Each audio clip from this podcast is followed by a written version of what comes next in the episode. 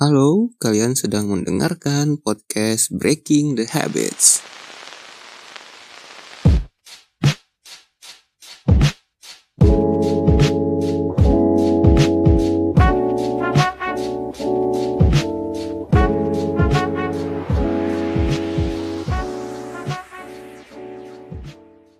Siapa sih yang gak mau mengembangkan diri sendiri?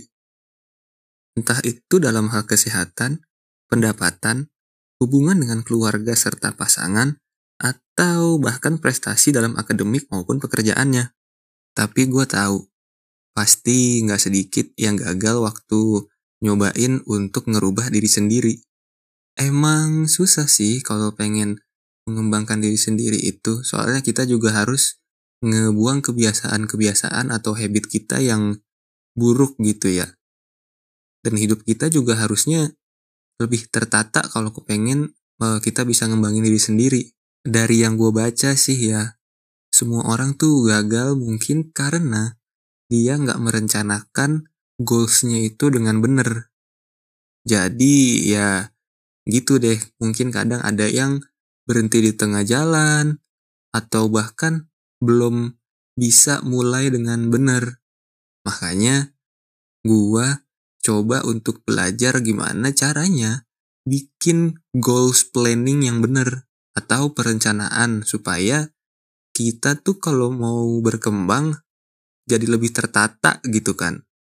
Ingat gak sih dulu waktu zamannya kita masih sekolah, entah itu SD, SMP, atau SMA.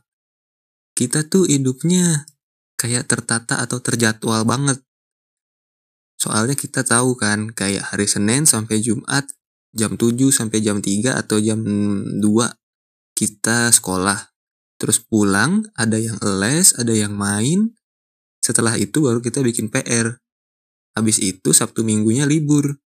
Tapi setelah kita menyelesaikan jenjang sekolah SMA itu, waktu kita kuliah atau mungkin ada yang uh, udah mulai kerja juga, kita tuh hidupnya mulai nggak tertata. Ada yang jam tidurnya jadi berantakan, yang dulunya tidur jam 10 sekarang jadi jam 3 pagi. Atau bahkan ada juga yang mengerjakan sesuatu itu mepet sama deadline-nya.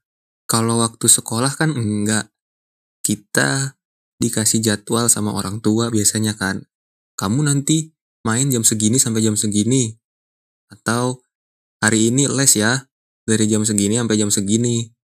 Tapi begitu kita udah selesai jenjang sekolah itu, hidup kita kan kayak tanggung jawab sendiri, kita dibebasin. Nah, di saat itulah habit-habit jelek kita mulai keluar. Kayak kepengen terus begadang, atau main kelamaan, dan segala macam. Makanya kita harus mulai belajar untuk bikin perencanaan. Supaya hidup kita tertata dan bisa mencapai tujuan yang benar. Terus, gimana sih caranya kita bikin perencanaan yang benar supaya kita nggak salah ataupun nggak berhenti di tengah jalan?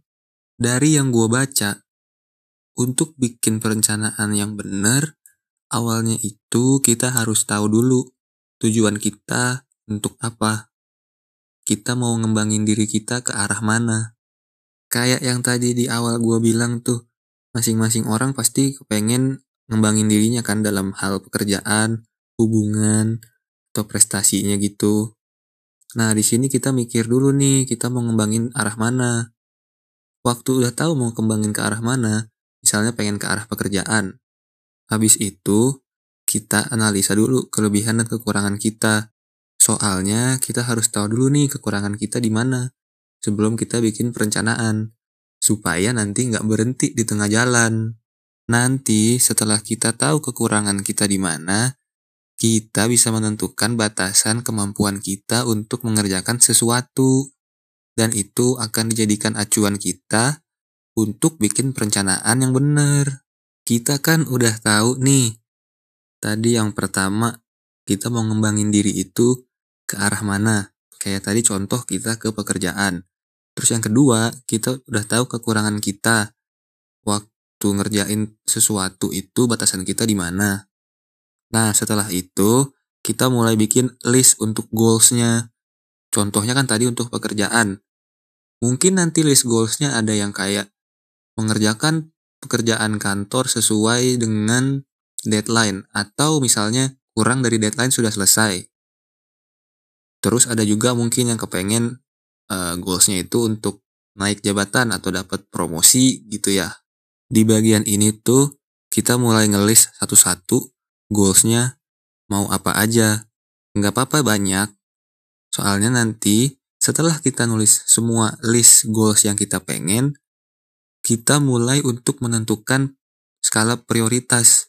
Jadi, yang mana goals yang lebih mudah atau yang lebih realistis dicapai terlebih dahulu. Jadi kita bikin goals prioritas kita itu yang lebih realistis. Misalnya kayak tadi antara mengerjakan sesuatu sebelum deadline sama ingin promosi. Kan yang lebih realistis tuh dan lebih mungkin lebih cepat dicapai kan untuk yang mengerjakan sebelum uh, deadline. Jadi yang sebelum deadline kita bikin jadi skala prioritas pertama, yang promosi nanti mengikuti. Soalnya kalau mau langsung promosi mungkin nanti akan sulit dan akhirnya pasti bakal berhenti di tengah jalan lagi perencanaannya. Sekarang kita udah tahu mau ngembangin ke arah mana, kekurangan kita di mana. Habis itu kita juga udah bikin list dan skala prioritas untuk goalsnya. Berikutnya adalah kita menentukan deadline. Jadi setiap progres itu dikasih deadline supaya kita juga bisa disiplin. Tapi nentuin deadline-nya jangan lupa ya, sesuai sama kekurangan kita tadi. Kan kita tahu nih batasan kita sampai mana. Contohnya, tadi kan kita mau bisa menyelesaikan pekerjaan sebelum atau pas di deadline atau sesuai deadline itu kan ya. Itu kan nggak mungkin juga kalau kita pasang deadline untuk jadwal kita sendiri itu misalnya seminggu harus selesai 10 pekerjaan. Jadi kita bikinnya harus yang realistis. Mungkin dalam seminggu pekerjaan yang harus selesai itu mungkin antara 3 sampai 5. Soalnya nanti kalau kita bikin deadline-nya kelewat batas kemampuan kita, tetap aja ujung-ujungnya pasti bakalan berhenti di tengah jalan. Setelah kita nentuin deadline-nya, sekarang baru kita bikin jadwal untuk goals yang tadi kita bikin aktivitas apa yang harus dilakukan besok hari. Jadi kayak hari Senin, pas hari Minggunya tuh kita bikin nih listnya. Pekerjaan kita bisa selesai tuh hari Senin harus ngapain aja. Dan kalau bisa, kita bikin juga jadwal per jam. Jadi jam sekian sampai jam sekian ngerjain ini. Jam sekian sampai jam sekian ngerjain kerjaan yang ini. Mungkin nanti waktu dilakukan ya akan kerasa berat gitu kan karena baru mulai. Nah, di sinilah pentingnya kita harus nge-review progres kita yang udah kita lakukan. Misalnya, kayak kan kita udah bikin jadwal untuk aktivitasnya tuh ya. Nah, pas di hari H ternyata ada yang kecolongan, jadi aktivitasnya kita ada yang bolong gitu. Nggak terselesaikan.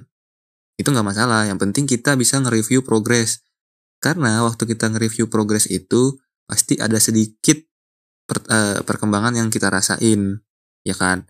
Nah, walaupun ada sedikit perkembangan, ya nggak apa-apa, kita harus terus lanjutin. Atau mungkin kalau memang udah lama banget nih kita melakukan hal yang sama nih atau sesuai jadwal, tapi perkembangannya masih sedikit, kita bisa mulai ngerubah uh, aktivitas yang dilakukan jadi supaya lebih efektif.